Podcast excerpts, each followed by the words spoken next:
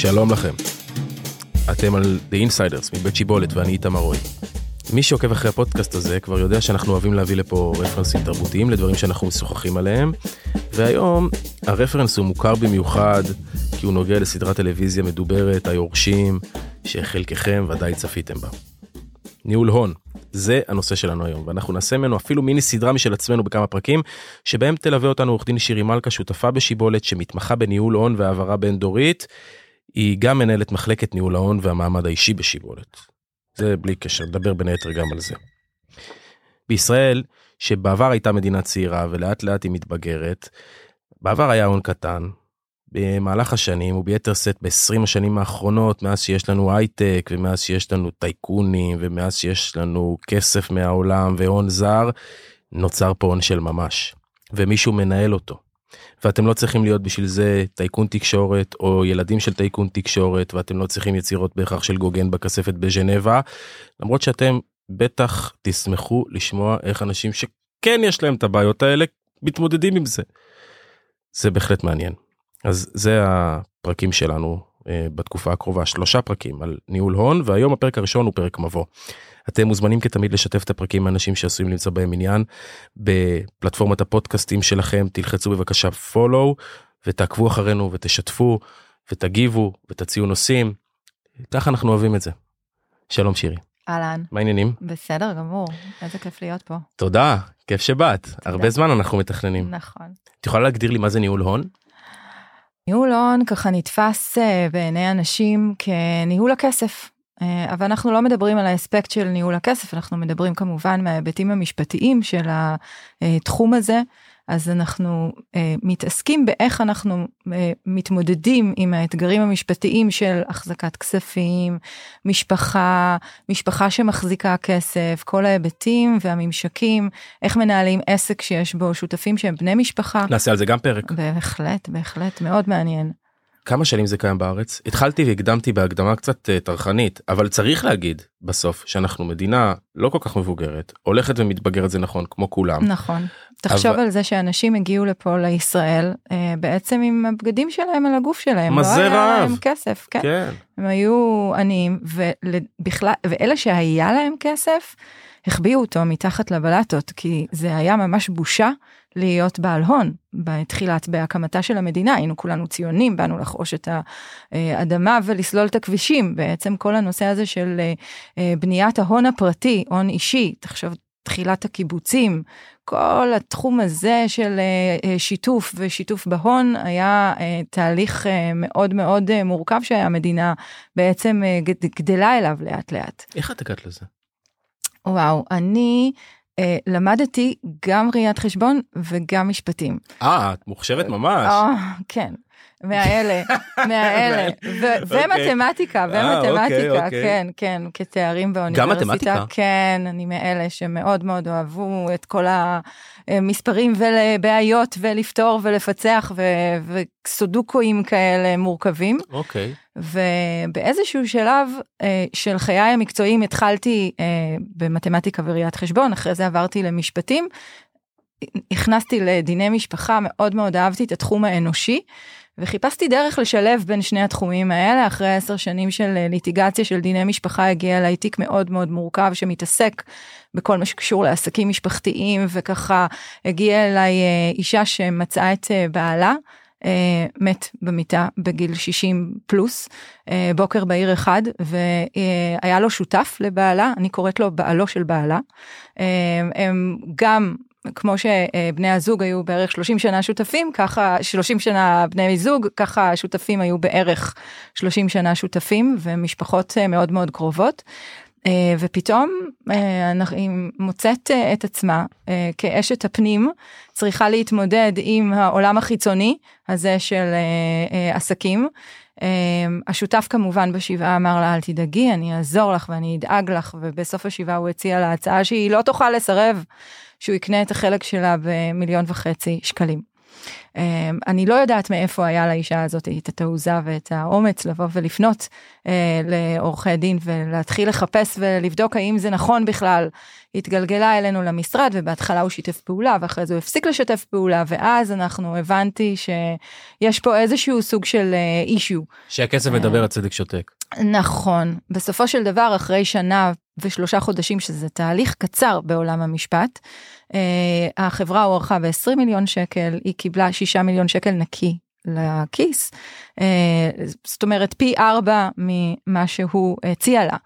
עכשיו הנושא הזה מאוד מאוד מורכב הוא מורכב משני הכיוונים גם בנקודת המבט של העסק זה מורכב כי לא כל עסק יכול להתמודד עם לשלם 6 מיליון שקלים קאש מאני לצד השני ברגע פטירה אה, וגם מנקודת המבט של המשפחה. אה, אותה אישה אחרי שנה ושלושה חודשים עוד לא התחילה בכלל להתאבל על בעלה שזה החבר הכי טוב שלה שנפטר היא הייתה בקרייסס במלחמה בסיטואציה משברית מאוד מאוד קשה. ואמרתי לעצמי למה זאת אומרת אם יש פה שני צדדים שנפגעים מאותו מהלך אז יש פה איזשהו סוג של אישו שצריך לבוא ולטפל בו ואז ככה לקחתי את הכישורים גם מעולם המתמטיקה והראיית חשבון והעסקים וההבנה קצת אה, היותר עסקית וגם כמובן הנושא הרך והרגיש של דיני משפחה וההתמודדויות המשפחתיות.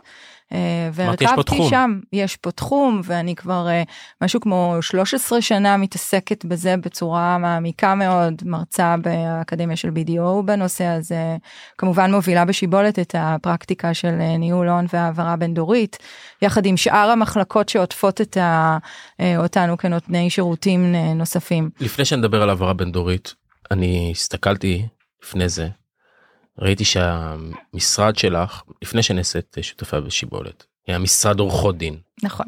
עכשיו אני מנסה לחשוב זה לא התכוננו לזה נכון נכון? מנסה לחשוב אם זה נשים אה, יכולות את נורא מציינת שמתי לזה לב פעמיים mm-hmm. את הקטע של המתמטיקה והכישורים הזה שאני אנחנו יודעים שאת מאוד מאוד חכמה אבל כאילו נשים, את מבינה? תמיד צריך להצדיק את זה שאנחנו חכמות, שאנחנו יודעות מתמטיקה, שאנחנו יודעות את המספרים, זה לא רק אתם הגברים, לא רק אתם יודעים את המספרים, גם אנחנו יודעות. נכון. וכאילו, אני שואל את עצמי אם ה, ה, דווקא, ה, אה, עכשיו אני אהיה קצת אה, פחות politically correct, כן. אוקיי? דווקא ה soft skills, mm-hmm. שזה אה, עניין מאוד אה, יותר נשי, כזה אני אומר אני קצת פחות politically correct. ה-IQ. לא. ה-IQ? ה-EQ. ה-EQ אצל אנשים הוא בדרך כלל נכון EQ זה יותר politically כן. correct. ה-EQ של אנשים הוא יותר הוא יותר אה, הוא יותר מפותח בדרך כלל ואני שואל את עצמי. הבנת את השאלה. כן. אז אני אגיד כל התחום הזה של ניהול הון פרטי בעיניי דורש הרבה מאוד EQ זאת אומרת אה, אנחנו בעצם בגישור רב דורי ורב משתתפים. אז אחד יש פה את האלמנט של הגישור ששוב שזה soft skill אין ספק. שתיים מעין הנחיית קבוצות אני יושבת בחדר לא בטח, עם זוג זה... שמתגרש ואז אתה יושב מול שני אנשים ואני לא מייצגת בן אדם אחד במשא ומתן אלא אני ממש יושבת עם צבר רב של אנשים שלכל אחד מהם יש את האינטרסים שלו והם גם מדברים ודוברים שפה שונה לחלוטין אחד מהשני. לחשוב את דור המייסדים למול הדור השני למול הדור השלישי. יש את הם... המטה מהלך בינינו. גם הרבה פעמים. המת אגב שהוא גם הרבה נכון, פעמים חי. הוא חי. תכף נדבר על זה. זה... לגמרי. את יודעת מה נדבר על זה עכשיו. העברה בין דורית. לוגן כזה. לוגן. כן. לוגן רוי. וואו, איזה דמות. שאמרת לי שבעלך, בעלך רוי. בעלך כן, קרקטר כן, רציני. כן, כן. קרקטר רציני. כן. הוא כבר מת, אנחנו כבר בשלב שהוא מת. נכון. אה, מי שראה לא ראה עדיין את העונה הרביעית אז יש לו בעיה. אבל, כן uh, עשינו ספוילר. ספוילר. קל. כן. Uh, אבל כן לוגן וואו איזה דמות אבל הוא, הוא לכאורה um, מתואר שם בצורה קיצונית אבל זה בכלל לא קיצוני זאת אומרת אני פגשתי הרבה לוגנים. Uh, לאורך השנים של וואלה. העבודה עם uh, אנשים ועם uh, בתחום מעניין. הזה של אנשים שלא מפנים את הכיסא. והם גם בטוחים שאם הם לא יהיו אז העולם מתמוטט ושהילדים שלהם לא מוכנים בשום דרך שהיא לתפוס את הכיסא שלהם והם גם לא מכינים אותם כי הם גם קצת אה, מאוימים על ידיהם. אז, אז יש פה ככה, שוב, איזשהו מתח וניגוד אינטרסים. יש מצד אחד אינטרס שהעסק כן יעבוד ויתקדם, אה, ויעשה, למרות שלוגן אה, שם פועל למכירת החברה, בסופו של דבר, בערוב יד, ימיו הוא, הוא כאילו אומר, אני לא סומך על ילדיי. זה מה שהוא אומר. כן, כן, זה לא אני, ה... נכון, אני לא סומך על ילדיי. זה לא שהוא מפנה את הכיסא, הוא אומר, אני לא סומך על הדור הבא. לא, ואני רוצה ש... שהחברה תימכר.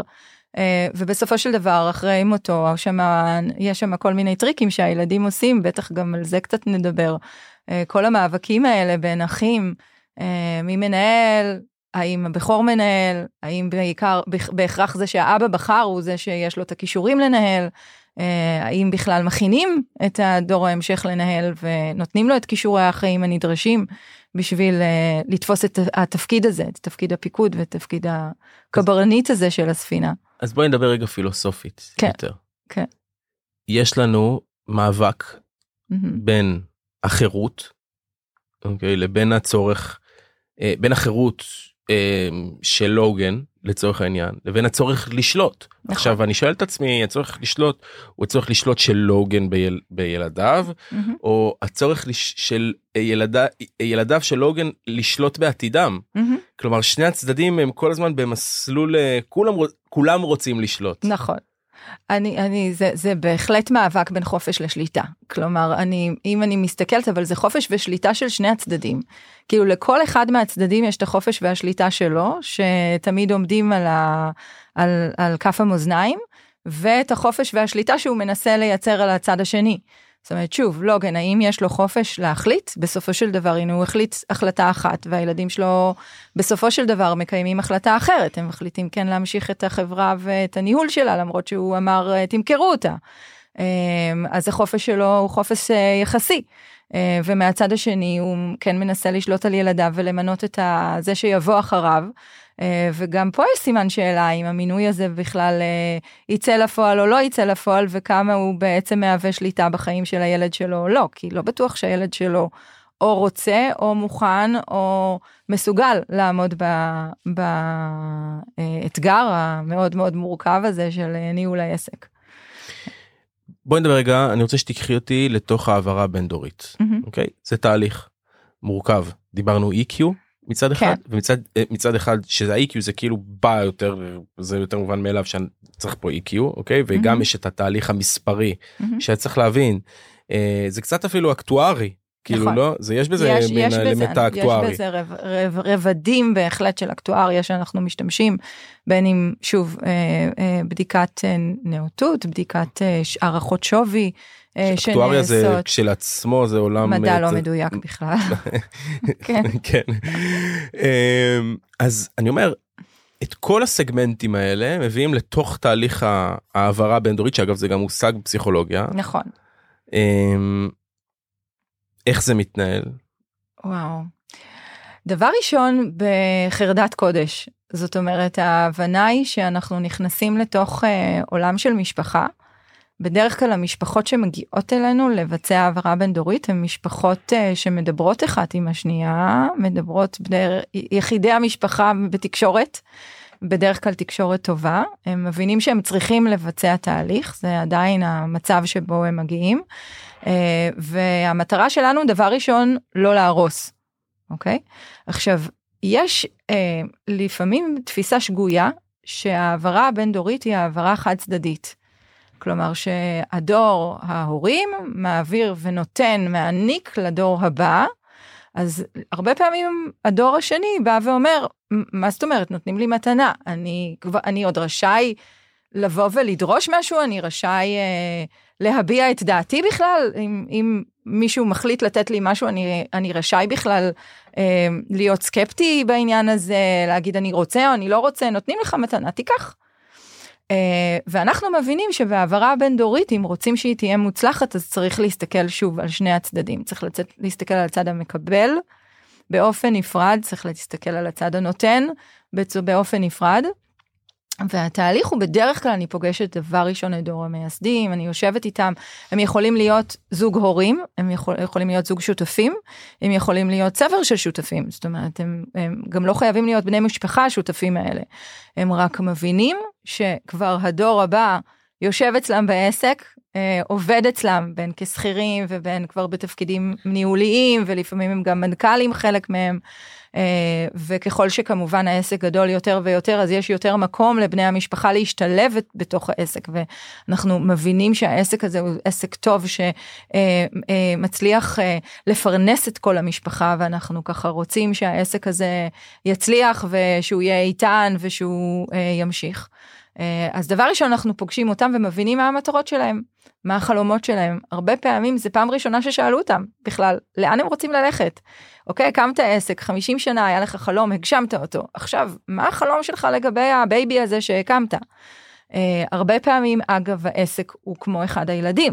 אגב, ילד שמטפלים בו הרבה יותר, בדרך כלל מהילדים הביולוגיים, שבדרך כלל ההורה השני שנשאר בבית הוא זה, ש... זה בדרך כלל ילד שעולה הרבה יותר כסף. הוא עולה הרבה יותר כסף, הוא דורש הרבה יותר זמן ומשאבים ואנרגיה ורגשות וכולי וכולי, וככה בהחלט אה, אה, זה ילד שמטפחים אותו מאוד, ו, וחלק גדול מהאנשים היו רוצים לשמר. מצד שני, היום אנחנו עדים לתופעה מתרחבת יותר ויותר, שבאה ואומרת, העסק לא יכול לבוא על חשבון הקשרים המשפחתיים. אז אם אנחנו לא מצליחים למצוא את הנוסחה שתייצר לנו עסק פועל ועובד בשלום משפחתי, אז אנחנו רוצים לפרק ולמכור. עכשיו, בין המנעד הזה, בין הצד הזה של הסקאלה לבין הצד השני של הסקאלה, יש כמובן מנעד מאוד מאוד רחב של אה, תהליכים שניתן לייצר כדי אה, לגרום לתהליך הזה להצליח. אז יש את הפגישות עם דור המייסדים, אחרי זה אנחנו חייבים לפגוש את הדור השני. אנחנו פוגשים אותם בדרך כלל בהתחלה בעצמם, אם זה עסק משפחתי, אחרי זה גם אנחנו משלבים לפעמים את הכלות ואת החתנים, אה, ככה להבין איפה הם בתוך התמונה, האם הם בתוך העסק, האם, מה, מה הם אומרים בכלל על העסק, איך, איך הם תופסים את כל הסיטואציה כדי לראות שאין לנו איזה שהם אה, מכשול, אה, אבני מכשול בדרך. אה, ואם יש לנו את הדור השלישי, אז גם את הדור השלישי אנחנו פוגשים. ובסופו של דבר מייצרים איזשהו אה, סוג של הסכם שהוא הסכם משפחתי מאוד מאוד רחב, הוא נקרא אמנה משפחתית או חוקה משפחתית. ככה תמיד אומרים שאחת הסיבות שארצות הברית היא כל כך איתנה זה בגלל שיש לה חוקה. אנחנו עכשיו בטח. אה, סביב כל הנושא של ה... כל הדבר הזה זה מנגנון למניעת ריבים. בדיוק. ברגע שהכללים הם כללים מאוד מאוד ברורים, איך נכנסים לעסק, מי רשאי לעבוד בעסק, מי רשאי להיות בעל מניות בעסק, מי לא. אמ, איך יוצאים מה out אם מישהו כבר לא רוצה להיות חלק מהחגיגה הזאת החגיגה הזאת היא לא לא בא לו ובא לו למכור את אה, חלקו וללכת יושבת בחוף בהוואי מותר לו אסור לו. אמ, אה, אלה השאלות שבסופו של דבר אנחנו כמשפחה עונים עליהם. מה החזון המשפחתי, מה הרצון המשפחתי, האם יש אג'נדה כלפי העסק או שהוא רק אה, נועד ליצירת כסף. אה, גם זאת אה, אופציה, יכול להיות שהעסק באיזשהו שלב הוא כבר לא baby, הוא היה baby של האבא וחלום של האבא, אבל הילדים מתעסקים בכלל בנושאים אחרים והם לא רוצים לנהל את העסק הזה. ואז אפשר ללכת להנהלה חיצונית אם העסק טוב ויכול להכיל את זה, ואם לא, אז כמובן יש את האופציה השלישית הכי הכי קשה, שזה של המכירה. אמ, מעבר לזה, אבל גם מעבר לעניין העסקי, יש גם כספים, יש גם אה, רכוש. יש גם uh, כזה. נכון, יש כספים ויש רכוש וצריך לדעת איך לחלק את הרכוש בדרך נכונה וגם צריך לדעת האם הילדים שלנו שמקבלים הם באמת אז שנייה זה אני יודע זה הנקודה. יכולים לקבל כן. יכולים לקבל מצד אחד אבל אני אני אני רוצה רגע לגעת ב, גם בעניין של הרבה פעמים במשפחות הכי טובות כן? mm-hmm. יש את ה... מי צריך יותר? נכון וואו, זה בכלל שיח שהוא שיח מאוד מאוד מורכב על הנושא של הערכים. האם אנחנו מחלקים שווה או מחלקים לפי הצורך? שיאללה. כן, זאת נקודה שהיא נקודה מאוד מאוד מאוד מאוד מורכבת, כי הרבה מאוד אנשים מתבלבלים בין כסף לאהבה. אז אם במקרה ילד אחד קיבל משהו יותר, אז אולי יותר אוהבים אותו. אה, ולעומת זאת הרבה מאוד הורים באים ואומרים רגע יש לי ילד אחד מוצלח מאוד הוא מפרנס את עצמו וחי ויש לו אה, ילדים ומשפחה וכולי וכולי ולעומת זאת יש ילד שאנחנו רואים שהוא יותר מתקשה אנחנו רוצים לעזור לילד המתקשה. אנחנו לא, לא ואם אנחנו צריכים לעזור לכל שלושת הילדים אותו דבר אנחנו צריכים פי שלוש ואז אנחנו כבר לא יכולים לייצר את אותה עזרה אז בהחלט יש סביב זה שיח מאוד מאוד מאוד מורכב של שוויון ושל uh, uh, צרכים. ושוב במשפחות ה... אה, של שהאחאות היא אחאות מאוד מאוד טובה שיש בתוכה גם אחריות של אח כלפי האח השני זה כמעט נון אישיו זאת אומרת זה ברור שמי שצריך מקבל כמו שהוא כמו בקיבוצים. אנחנו אה, מגיעים לאיזשהו שלטון כזה. אה, ולעומת זאת אה, ב, יש הרבה מאוד משפחות שגדלות אה, סביב תחרותיות מאוד מאוד גדולה בין האחים עצמם. אה, והאחים רבים על האהבה של ההורים ואחרי זה הם רבים על הכסף של ההורים ועל הרכוש המשפחתי ו, וזה ככה אה, סינדרום שמזין את עצמו ו, אה, וחוזר על עצמו כל הזמן. לפני שנחזור רגע ליורשים אני רוצה רגע לדבר על המושג מתנה. אוקיי. Mm-hmm. Okay. איך אה, הרבה פעמים נותנים מתנות. Mm-hmm. עכשיו פה גם בארץ בגלל שאין אה, אה, איך זה נקרא אה, אין מס ירושה אין מס ירושה mm-hmm. נגיד אה, גרתי כמה שנים בצרפת אז בצרפת יש מס ירושה wow. אז כולם מוצאים קומבינות נכון נכון יש את הקומבינות לפני זה נותנים את המתנות את הזה גיפטס נכון אז איך עושים שהמת... אני מניח שגם פה זה ככה mm-hmm. לא מטעמים של אה, מס ירושה כי יש אה, אה, אמירה או מימרה יהודית עתיקה אני נותנת בחיי. ביד חמה. סבתא שלי לא סבתא שלי כן. אני נותנת בח... הייתה אומרת אני נותנת בחיים בחיים כשאני בחיים כן, כן. אז איך עושים כאילו שהמתנה לא תהיה מובנת מאליה גם בחייו של הבן אדם mm-hmm. אוקיי וגם במותו כלומר בן אדם קיבל כסף mm-hmm. ועשה בו שימוש mm-hmm. אה, שאין לו שום קשר למה שהתכוון ה... אה, מישהו קיבל אותו ממנו. או שכן, אבל הוא לקח את זה כמובן מאליו. זה, גם. זה הרבה. אז, אז אני אגיד, אני ככה... כי זה, זה, זה כאילו זה נוגע בנימים הכי אה, אה, עדינים של היחסי נכון. משפחות ושל המין האנושי. עכשיו אנחנו גם נמצאים עכשיו בתקופה כזאת שמאוד דנים במשפט, mm-hmm. באופן כללי במקום המשפט בחיינו.